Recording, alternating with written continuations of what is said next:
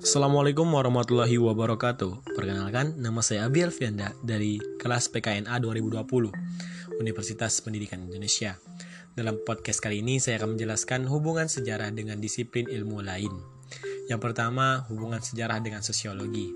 Gejala sosial sangatlah wajar dan relevan untuk dipelajari dengan pendekatan sosiologis.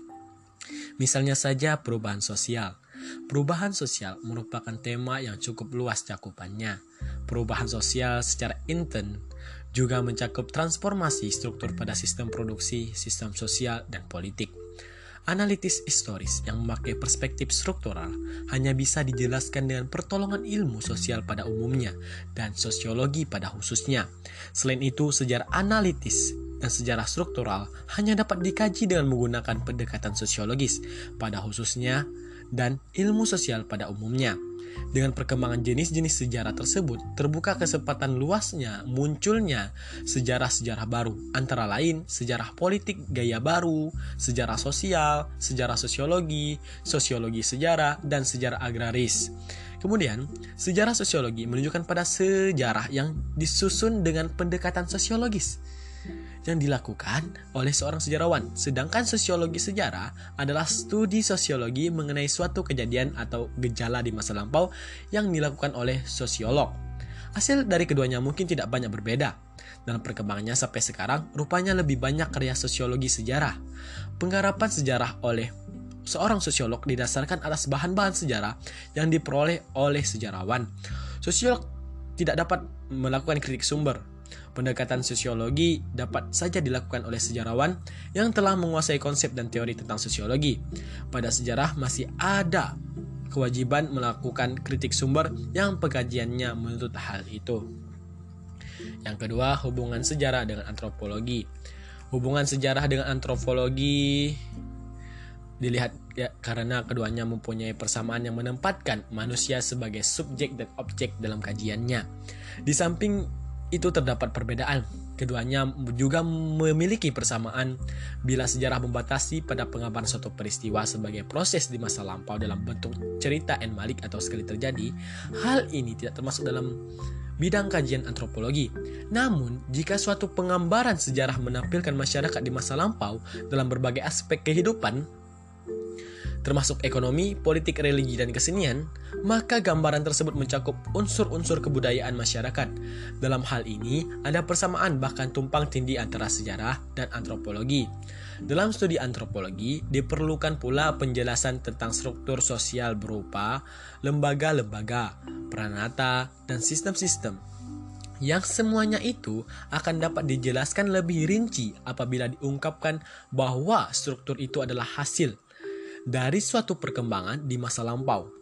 Karena antropologi juga mempelajari objek yang sama, yaitu tiga jenis fakta yang terdiri atas artifak, sosiofak, dan mentifak, di mana semua itu adalah produk historis dan hanya dapat dijelaskan dengan melacak sejarah perkembangannya. Fakta adalah petunjuk suatu kejadian. Sebagai suatu konstruk, maka fakta adalah hasil strukturasi oleh seorang objek. Begitupun artifak, sebagai benda fisik atau konkret dan merupakan hasil buatan. Artipak menunjukkan kepada proses pembuatan yang telah terjadi di masa lampau. Sebagai analoginya, sosiofak yang menunjukkan kepada kejadian sosial atau interaksi sosial antara aktor dan proses aktivitas kolektif yang telah mengkritalisasi sebagai peranata, lembaga, organisasi, dan lain sebagainya. Jelaslah bahwa memahami struktur dan karakteristik sosiofak perlu dilacak asal-usulnya, proses pertemuannya sampai wujud sekarang. Yang ketiga adalah hubungan sejarah dengan psikologi. Dalam cerita sejarah, pelaku sejarah senantiasa mendapat sorotan yang tajam, baik sebagai individu maupun kelompok. Sebagai individu, tidak lepas dari peranan faktor-faktor internal yang bersifat psikologis seperti motivasi, minat, konsep diri, dan sebagainya yang selalu berinteraksi dengan faktor-faktor eksternal yang bersifat sosiologis seperti lingkungan keluarga, lingkungan sosial budaya, dan sebagainya. Begitu pula dalam pelaku yang bersifat kelompok menunjukkan sikap kolektif, yaitu gejala yang menjadi objek khusus psikologi sosial. Dalam sejarah, Perilaku kolektif sangat mencolok, antara lain sewaktu adalah huru hara, gerakan sosial, protes yang reposisional, Semuanya menuntut penjelasan berdasarkan psikologi dari motivasi, sikap, dan tindakan kolektif. Dalam hal tersebut, psikologi berperan untuk mengungkapkan beberapa faktor tersembunyi sebagai bagian proses mental. Yang keempat adalah hubungan sejarah dengan ilmu politik. Sejarah adalah identik dengan politik sejauh keduanya menunjukkan proses yang mencakup keterlibatan para pelaku dalam interaksinya serta peranannya dalam usahanya memperoleh apa, siapa, kapan, dan bagaimana. Sampai sekarang pun sejarah politik masih menonjol walaupun tidak terlalu dominan seperti masa lampau. Pengaruh politik dan ilmu-ilmu sosial sangat besar dalam penulisan sejarah politik atau disebut sejarah politik gaya baru. Apabila politik didefinisikan sebagai distribusi kekuasaan, maka sudah jelas faktor sosial, ekonomi, dan kultural dapat menjadi pengaruh Barang siapa yang mempunyai status atau menduduki posisi tinggi, maka ia dapat mempunyai kesempatan untuk memperoleh kekuasaan. Dia lebih mudah mengambil peranan sebagai pemimpin berdasarkan relasinya. Ada sumber daya ekonomi untuk melakukan peranan politiknya, artinya menyebarkan pengaruhnya kalau dapat dibenarkan. Status sering membawa kekayaan, namun tidak selalu benar kekayaan dapat membawa status dan kekuasaan. Dalam distribusi kekuasaan, faktor kultural juga menentukan sebab jenis otoritas dan struktur kekuasaan sangat dipengaruhi oleh orientasi nilai-nilai pandangan hidup para pelaku.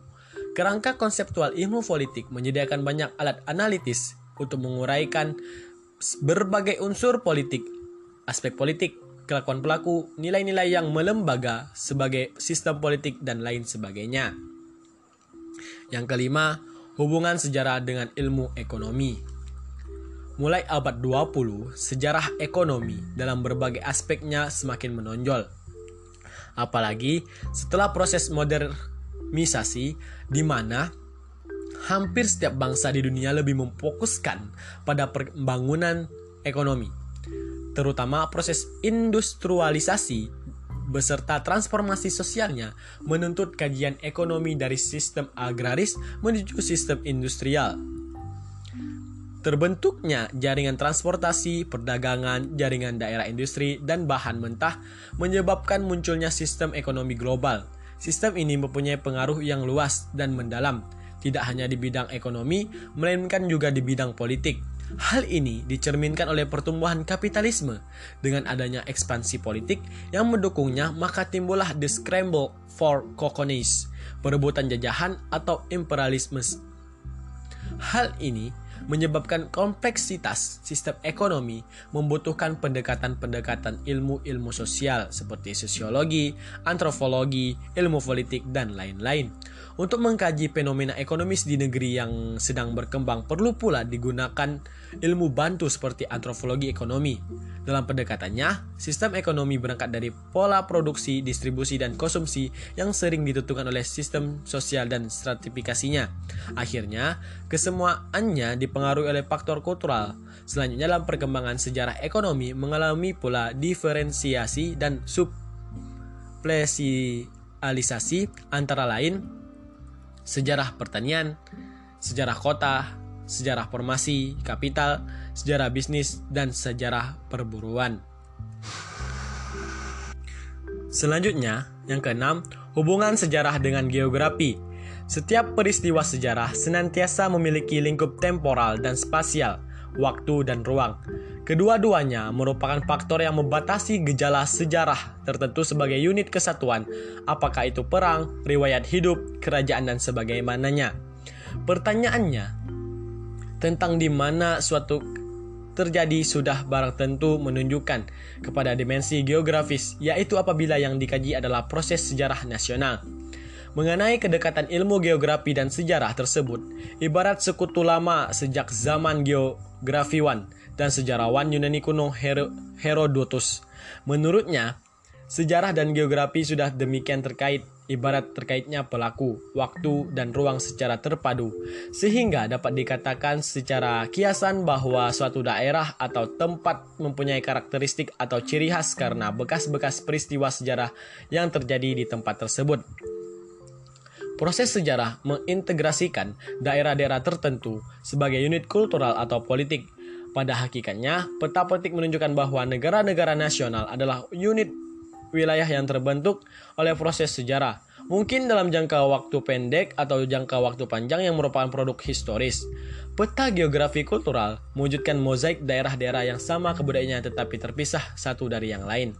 Apabila dalam kerangka negara nasional tanah air dan bangsa merupakan identitas negara dan rakyatnya, hal itu disebabkan karena tanah air sebagai wilayah negara yang terjadi dalam perkembangan sejarah rakyat tersebut. Dengan kata lain, bagaimana proses integrasi sepanjang NASA telah berhasil menyatukan sebagai bangsa. Dalam hubungan ini menjadi jelas bahwa proses sejarahlah yang membentuk nation. Berikut tadi adalah penjelasan hubungan sejarah dengan disiplin ilmu lain. Sekian saya akhiri. Wabillahi taufiq wal hidayah. Assalamualaikum warahmatullahi wabarakatuh.